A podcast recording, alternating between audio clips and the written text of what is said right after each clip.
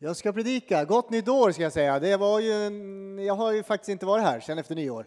Eller igår var vi här. Men eh, gott nytt år. Och ett gott nytt år med Jesus brukar jag alltid säga. Det är det vi behöver. Om det ska bli ett gott nytt år behöver jag ha ett gott nytt år med Jesus. Ett förnyat år med honom tror jag på. Då, då händer det något i mitt liv. Om Jesus får större plats, större utrymme. Och eh, jag ska predika en... Eh, jag har ju varit ledig. Jag har ju varit några dagar i Norrland. Hos Julias föräldrar har vi varit. Och när man är ledig då tänker man. Så jag har tänkt en massa saker. Och det här, den här predikan blir, jag läser en text och så blir det lite reflektioner över min ledighet. Alltså inte över min ledighet, utan de tankar jag haft när jag var ledig. Jag ska inte alls prata om vad vi har gjort, utan mera vad jag tänkt eh, inför det nya året kanske, och för dig och mig och för församlingen. Eh, det kan bli lite personligt, eh, lite vad jag står i och tänker och, och känner, men eh, jag tror att eh, ni, ni kommer känna igen er lite av det. Eh, vi läser texten från Markus.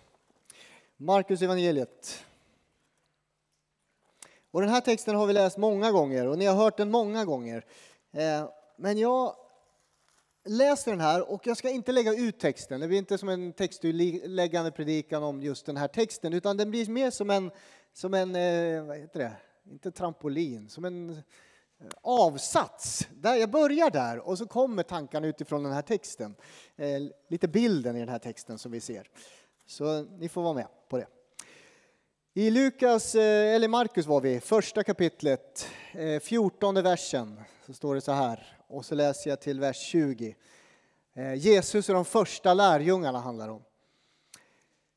Sedan Johannes hade blivit fängslad, det är Johannes döparen det handlar om, kom Jesus till Galileen och predikade Guds evangelium. Han predikade Guds evangelium. Eh, han sa tiden är fullbordad, Guds rike är nu här, omvänd er och tro evangelium. Jesus han predikar väldigt korta predikningar, tänker ni på det? Det var inte mycket. Han har lite längre tal ibland som tar några minuter till att läsa, men det här är ju bara några rader. Tiden är fullbordad, Guds rike är nu här, omvänd er och tro evangelium. När han gick längs Galileiska sjön fick han se Simon och hans bror Andreas kasta ut nät i sjön, för de var fiskare. Jesus sa till dem, följ mig så ska jag göra er till människofiskare. Genast lämnade de näten och följde honom. Då han kom lite längre fram fick han, fick han se Jakob, Sebedeus son och hans bror Johannes, där de satt i båten och gjorde ordning sina nät. Strax kallade han på dem och de lämnade sin far Sebedeus och hans daglönare kvar i båten och följde Jesus. Jag ber en bön. Tack Jesus för ditt ord Herre. Tack Herre för att det här får vara liksom ett tilltal in i våra liv, in i vår tid, in i det vi står i Herre, om att följa dig eh, 2024. Det är nya året som vi går in i. Hur kan vi följa dig på bästa sätt? Eh, leva liksom fulla liv, eh, hela liv, fria liv på något sätt i efterföljelse av dig Kristus. Tack att du har kallat oss och utvalt oss var och en till att vara dina lärjungar i de här dagarna Herre. Tack Jesus att du är här och vill tala. Jesu namn. Amen. Rubriken jag satt är så här, är du tom? Eh, ställ dig då till Guds förfogande. Om du är tom, vad gör man då? Jag vet inte om ni känner igen det, att du känner dig tom ibland. Jag gör det. Bara, nu har jag jobbat och slitit och strävat och gjort så mycket och ändå så står jag här eh, och känner mig tom. Vad gör man då? Ja, när jag läser i Bibeln och det jag reflekterar över de bibeltexter jag reflekterat över i jul och nyår så är det svaret faktiskt inte mer semester, jag ska komma dit, utan att ställa sig i Guds tjänst och till förfogande för Gud. Då blir livet, får liksom en annan riktning. Det Jesus gör när han går omkring, han predikar evangelium, står det. Han predikar evangelium. Jag tänk på det ordet. Evangelium betyder goda nyheter. Evangelium är det som behöver höras än mer i vår tid i våra liv, i vårt samhälle, i vår församling. Det är evangelium. Goda nyheter behöver höras. Det säger vi jämt, men jag känner det starkare nu. Att goda nyheter behöver förkunnas ut där vi hör så mycket annat. Och det är verkligen evangelium. Så mycket man hör, så mycket du tittar på säkert, så mycket influenser som du tar till dig. Det är så mycket röster som ropar. Eh, Samhället är mer splittrat. Du behöver, har du tänkt på det? Du behöver ta ställning hela tiden till både det ena och det andra som du inte har en aning om. Vad tycker du om det här? Det får jag i alla fall som pastor. Jag tänker att ni också får det på arbetsplatsen. Vad tycker du om den här frågan? Vad tycker du om det här? Vad tycker du om det här? Så ska man ta ställning och så placeras man in i någon form av fack där. Jobbigt med alla de här rösterna. Den här splittringen som sker, all den här ställningen man måste ta för allting. Och då tänker jag, evangelium behöver höras i denna tid. Evangelium om Jesus behöver höras, annars blir det tomt. Kan du känna dig tom ibland? Att du står med tomma händer. Parallellställena till den här texten, då har de fiskat hela natten och så står de där med tomma nät. Ingen fisk, ingen fångst, ingenting. Och så är det. Man har strävat, man har kämpat, man har jobbat och så bara oj, det blev ingenting. Det blev tomt. Vad gör man då? Och då kommer Jesus förbi. Vet, det är en sång va? Då kom Jesus förbi. Han stannade och så ser han dessa fiskare och så kallar han dem som inte har någonting, som har tomma händer, tomma liv, ingenting och så kallar han dem Följ mig. Det är de enda ord han säger, de här två orden. Det är det enda ord de har att ta ställning till. Följ mig. Det finns ingen programförklaring vad de ska göra överhuvudtaget. Ingenting vet de. Det finns ingen stor vision som målas upp och så, ja vi måste ha en vision. Det, jag har varit inne och pratat om det ett tag. Måste ha en vision, man måste ha en slogan, man måste ha rätt ord för församlingen. Och det, det är bra. Visioner från Gud är bra. Men det finns inget sånt att ta ställning till överhuvudtaget. Det finns ingen politisk fråga de behöver fundera över, ingen strategi hur de ska gå tillväga. Det finns en enda person att ta ställning till och det är den mannen som står framför dem, Jesus Kristus själv.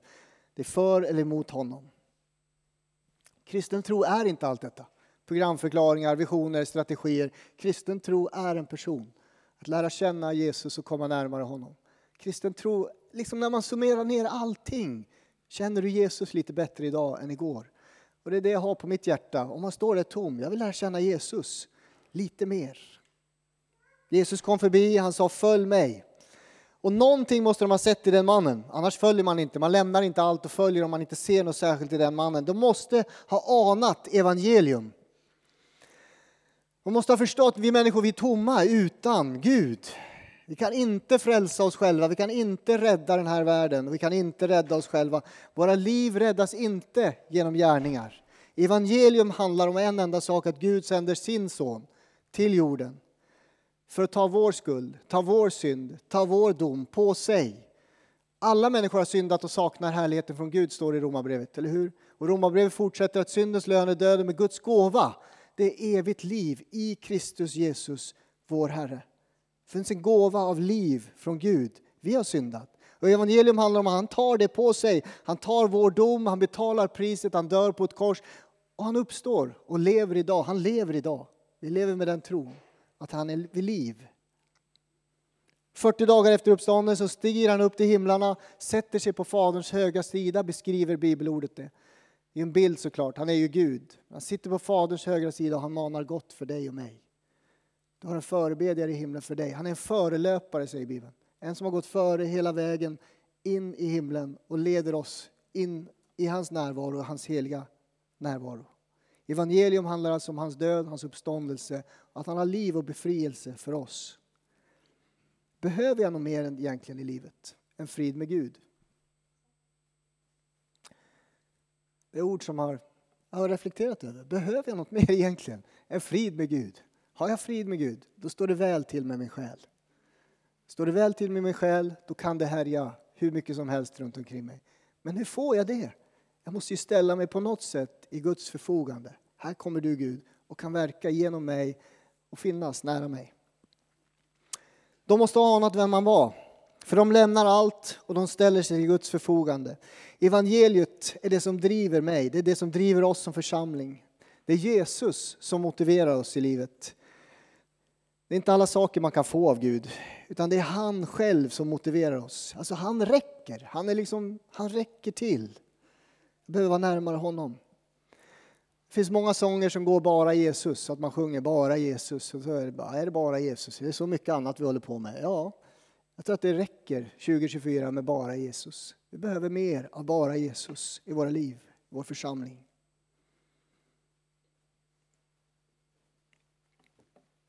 Simon och Andreas, de ställer sig alltså i texten och även Sebedeus söner där, Jakob och Johannes, de ställer sig till Guds förfogande. De säger vi följer dig Jesus, vi följer dig. Här är jag till ditt förfogande.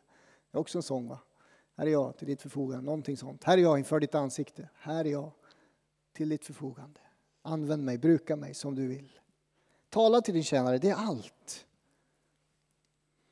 Jag tänker när man ligger på sin dödsbädd, jag är 45 nu, jag börjar reflektera över döden. Jag reflekterar över mycket de här mörka dagarna i Norrland. Men det var mörka dagar i Norrland, men det var jättebra dagar. Mörk, alltså mörkt rent. Ni vet, solen går upp 10 och går ner 2. Det är mörkt. Jag reflekterar mycket. När man ligger på sin dödsbädd, då tänker jag så här, vad tänker man? Vad funderar man över? Alltså, vad gav jag mitt liv till? Och någonstans är det dags att reflektera över det. Vad gav jag mitt liv till? Jo, gav jag mitt liv i tjänst för Gud? Till hans förfogande, till tjänst för Jesus. Då kan det inte vara ett tomt liv jag har levt. Då är det ett fullt liv, ett fullbordat liv, ett helt liv. Man säger jag vill vara Herrens tjänare och tjänarinna. Levde jag i hans vilja det här året, eller det här livet? Det handlar inte om storleken på det vi gör. Jag har tänkt på det så många gånger. Det handlar inte om storleken på det vi gör. Det handlar inte om att, det var härligt att David åkte till Afrika. Det handlar inte om att åka till Afrika och bygga upp en skola. Det är bra att göra sådana saker. Det handlar inte om storleken på det vi gör, utan att vi gör det Gud vill att vi ska göra. Att vi lever som en lärjunge som lyssnar till vår Mästares röst och gör det han vill att vi ska göra. Då blir det stora saker i det lilla vi gör. Att vi gör det för Gud.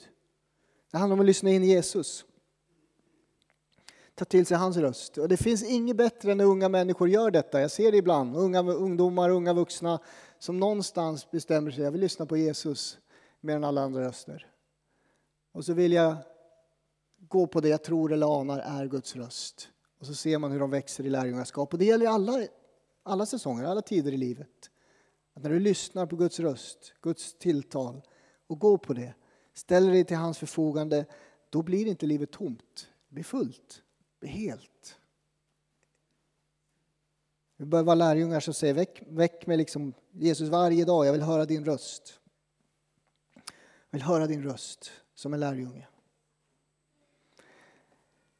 Jag har väglett, försökt vägleda ganska många under de här åren som pastor eh, ungdomsledare. Försökt vägleda människor på olika sätt närmare Jesus. Och ganska ofta får man ändå det här att, samtalet om att det är svårt att följa Jesus. Det är svårt. Det är svårt att göra rätt val. Det är så många val man ska göra hit och dit. Men egentligen när man liksom smalar av evangelium så är det ju bara en sak. Jag förstår att jag är utvald av Jesus. Han har valt mig och jag väljer Jesus. Det är bara ett val. I Markus 3 och 13 står det så här. Sedan gick Jesus upp på berget. Han kallade samman några, alltså lärjungarna, som han hade utvalt och de kom till honom. Han kallar till sig några som han har utvalt och de kom till honom.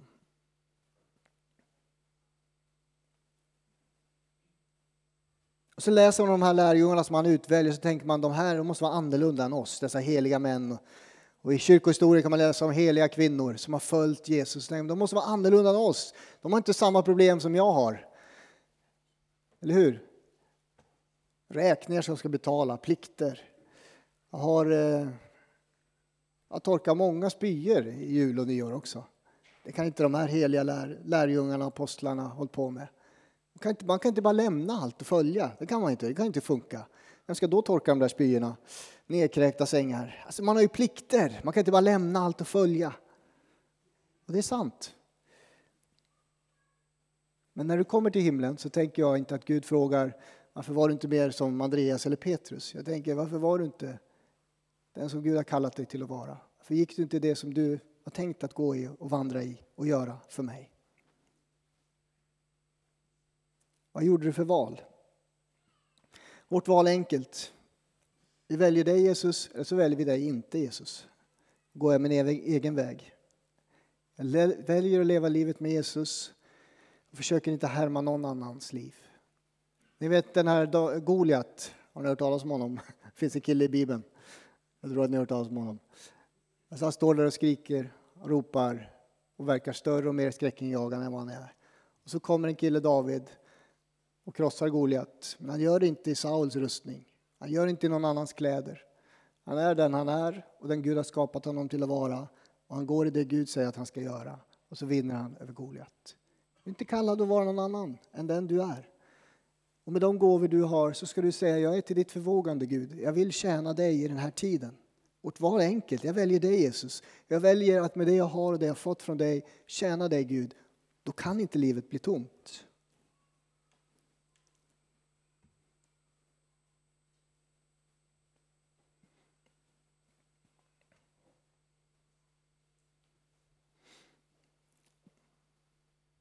Jag kämpar fortfarande med det här valet.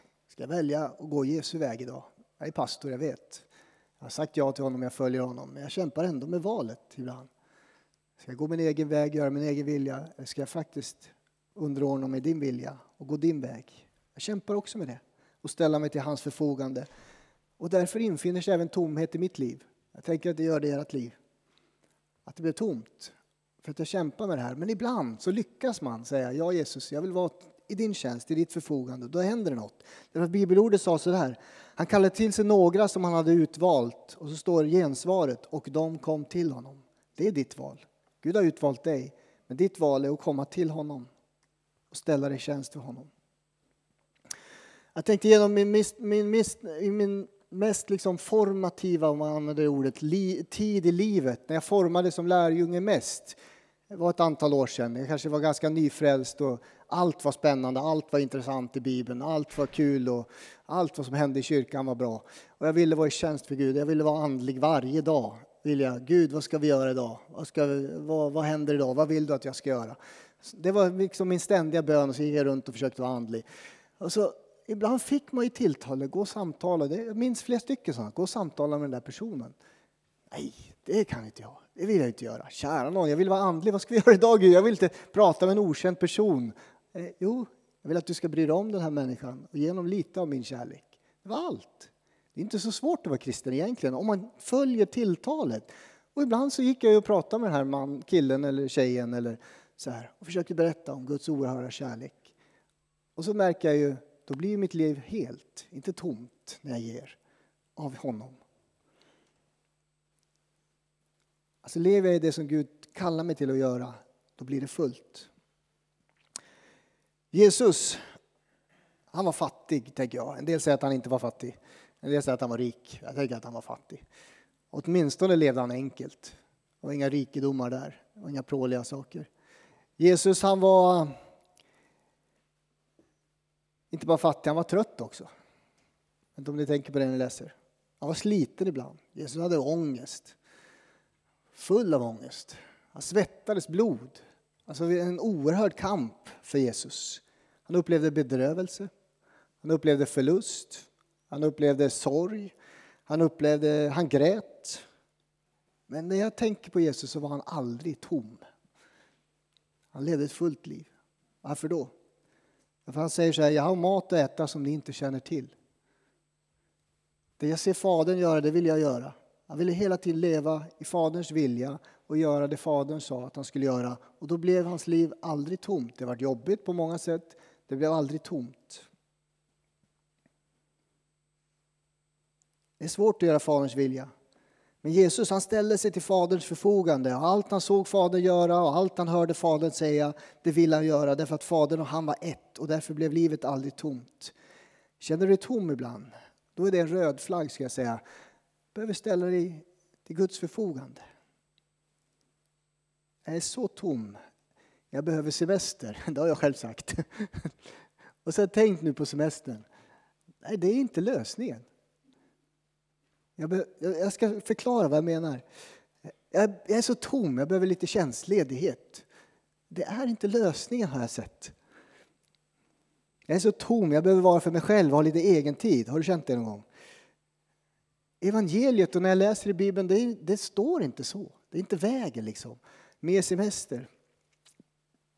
Evangeliets svar är, jag ställer mig till Guds förfogande och då kommer jag inte bli tom, jag kommer bli fylld. Och nu vet jag, jag tar ett steg tillbaks här. Vi får en del så här skuldkänslor, jag borde göra mer för Jesus, jag borde göra mer för Jesus, jag borde göra mer. Det här är inte en sån predikan överhuvudtaget. Jag vill inte ge skuldkänslor. Några kanske behöver känna lite skuldkänslor, men de flesta behöver inte göra det. Eller hur?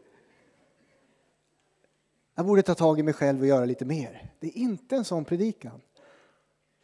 Jag sa inte jag gör mer, jag sa ställ dig till Guds förfogande. Det är en skillnad.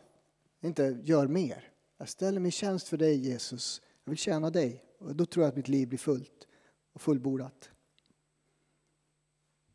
Närmare Gud. Han kanske vill att du just nu ska dra dig närmare honom och vila. Det är att ställa sig till förfogande. Men det han vill av dig är att du ska vila. Men du ställer dig till, jag vill vila. För att du, du leder mig in i den vilan, Herre. Han kanske just nu vill att du just nu ska dra dig närmare honom och ställa dig till förfogande och läsa Johannes evangeliet. Vad vill jag? Vad vet jag? Han kanske just nu vill att du ställer dig till förfogande för honom och liksom skär ner 50 procent av dina aktiviteter. Jag vet inte. Men jag menar det, inställningen är jag ställer mig till förfogande för dig Gud, jag är din tjänare. Jag vill inte leva tom, jag vill leva fullt liv för dig. Det betyder inte mer aktivitet, mer jobb. Inte extra jobb. Det är bara en bön, Herre, här är jag till ditt förfogande. I Efesierbrevet 5 och 2. Och lev i kärlek så som Kristus har älskat oss och utlämnat sig själv för oss som offergåva. Ett välluktande offer åt Gud. Alltså Jesus ger sig själv som gåva till sin fader, som offergåva. Han ger sig själv. Och då säger en del så här, jag har inget att ge. Det har jag också hört. Jag har inget att ge. Och då säger jag så här, säg inte så om Gud. Nej, jag säger inte så om Gud, jag säger så, jag har inget att ge. Ja, men om du säger så, så säger du någonting om den Gud som du tror på och följer. Du säger att han har skapat dig utan någonting, utan några gåvor, utan några förmågor. Och så tror vi inte om Gud. Han tror att han skapar var och en unik, värdefull och viktig med unika gåvor som han vill använda och bruka i sin tjänst. Det är så vi tror om Gud. Så säg inte att du inte har något att ge. Ställ dig i hans tjänst istället och säg, hur kan du använda mig Herre under 2024? Jag har varit borta några veckor och så har jag hört rapporter att här hemma har det funkat jättebra. Nya människor kliver in i tjänst, samlingar vi har haft, nyårsmusikal funkar, andra som har bibelstudier. Jag menar inte att jag, inte, att jag är överflödig här, jag menar bara att det är härligt att höra andra kliver in i funktion och ställer sig till förfogande. Då blir en pastor glad. Du har någonting att ge. Säg inte att du inte har något att ge. Du har fått gåvor av Gud. Det är liksom nåd från Gud. Han vill använda dig till sitt förfogande. Jag funderar på att vara lycklig också. Det har, jag har hunnit tänka mycket när jag legat där. Lycka. Det finns institutioner, det finns eh, universitet som forskar i lycka. Det finns artiklar, skrivs i latin. Det finns i Aftonbladet och Expressen. Det finns skribenter som bara skriver om lycka. Eh, det finns överallt därför att människor längtar efter att vara lyckliga. Och det är inget fel med det. Och så tänker jag så här, svaret ofta är ju inte riktigt samma svar som, som Bibeln har. Hur, hur uppnår man lycka i livet? Bibeln, den talar om död. Det är jobbigt. När jag låter jaget död, dö och lägger ner mitt liv som ett heligt och levande offer för Gud kan han komma med glädje. Det är ju väldigt svårt om man aldrig fått uppleva det här och förklara det för någon. Jag lägger ner mitt liv för någon annan och så upplever jag, jag dör från mitt eget. Talar Bibeln om gång på gång. Och så upplever jag glädje och lycka. Jag offrar mig själv som Jesus gjorde, som ett levande och heligt offer för någon annan. Och så upplever jag glädje. Om du aldrig har gjort det här, jag tänker att du kanske kan gå hem och, och försöka. För att se att det faktiskt ger någonting. Om du har de här stunderna i livet där jag bara reflekterar över när jag, jag ville någonting men jag struntade i det och la ner det och så gav jag mitt liv till någon annan person istället som behövde mig mer just då. Då infinner sig inte tomrum utan faktiskt glädje över att jag fick vara i tjänst för någon annan. Men de stunderna, och jag har de stunderna, speciellt när det handlar om skidåkning, när jag känner att jag måste åka den där skidtävlingen. Jo, men det är mycket skidor i mitt liv. Men jag måste åka den där skidtävlingen och så tänker jag då kommer jag bli väldigt glad. Och så när jag har gjort det så kommer jag hem och känner jag tomhet istället. Jag säger inte att det är så alltid när jag åker skidor. Men ibland så kämpar man, jag måste ha mitt. Min tid. Och så är det inte, blev det inte fullt. Och, oj vad glad jag blev. Utan det blev tomt istället. Jag var borta en dag från familjen. Det är där jag menar. Jag lägger ner mitt eget och ger till någon annan. Så blir jag inte tom. Så talar hela tiden evangeliets texter om. Den som vill rädda sitt liv ska mista det, men den som mister sitt liv för min och för evangeliets skull ska rädda det. Så talar Jesus om vetekornet, ni vet, men han talar i och för sig om sig själv, sin egen död uppståndelse. Om vetekornet inte faller i jorden och dör förblir det ett ensamt korn. Men om det dör bär det rik frukt. Någonstans hela tiden handlar lärjungaskapet om att jag ska bli mindre, han ska bli större. Jag ska dö bort från mitt eget för att han ska få verka genom mig. Och är jag i hans tjänst och till förfogande för honom så blir mitt liv fullt, helt. Det finns massor med sådana här bibelord. 2024. Bara några tankar inför det här nya året. Hur kan jag leva ett fullt liv? Ett helt liv med Jesus. Inte ett tomt liv. Hur kan jag på nytt ställa mig till förfogande och tjänst för honom? Det finns flera av er här som säkert ska kliva in i nya saker. För Herren. Engagera dig i någonting nytt för Jesus. Men jag ber dig lyssna in hans röst, hans tilltal eh, innan du går. Tänk inte att jag ska göra stora saker. Tänk vad vill du Herre att jag ska göra för dig under detta år? Simon, Andreas och de andra lärjungarna de hörde orden följ mig. Så gav de upp sina egna liv, lät dem dö, ställde sig till hans förfogande och så märkte de det här är det bästa livet att leva. Det här är det bästa livet att leva. Det finns inget mer rikt, inget mer fullkomligt, inget mer meningsfullt, glädjefullt liv att leva för evangelium och för Jesus. Några tankar inför det nya året från den här bibeltexten. Nu ber vi tillsammans. Tack Jesus. Tack för ditt ord Herre. Du ser att vi är en församling som, som behöver hitta, hitta dig Herre. Hitta dig starkare, komma närmare dig Jesus. Hitta din väg för var och ens individuella liv och livsstil och, livs eh, och tid. Men vi behöver också som församling hitta din väg Jesus. Vi vill inte stå här med tomma händer, vi vill stå här med fulla nät Herre. För att vi gör det, det vi är kallade att göra. Vi gör det du vill att vi ska göra Herre. Tack Jesus. Tack och hjälp oss att liksom dö lite mer från vårt eget och tänka vad är din vilja Herre? Hur kan vi vara mer din tjänare och din tjänarinna i den här tiden? Tack Jesus att vi också finns för varandra. Jag ber att det blir en tid när man kanske ger upp lite av sitt eget för att se någon annan, någon annan familj, någon annan medmänniska, någon annan eh, vän som behöver eh, oss just nu Herre. Jag ber att det blir en sån församling, en sån rörelse Herre. Tack att du är här och vill betjäna oss i den här avslutningen på gudstjänsten. I Jesu namn. Amen. Amen.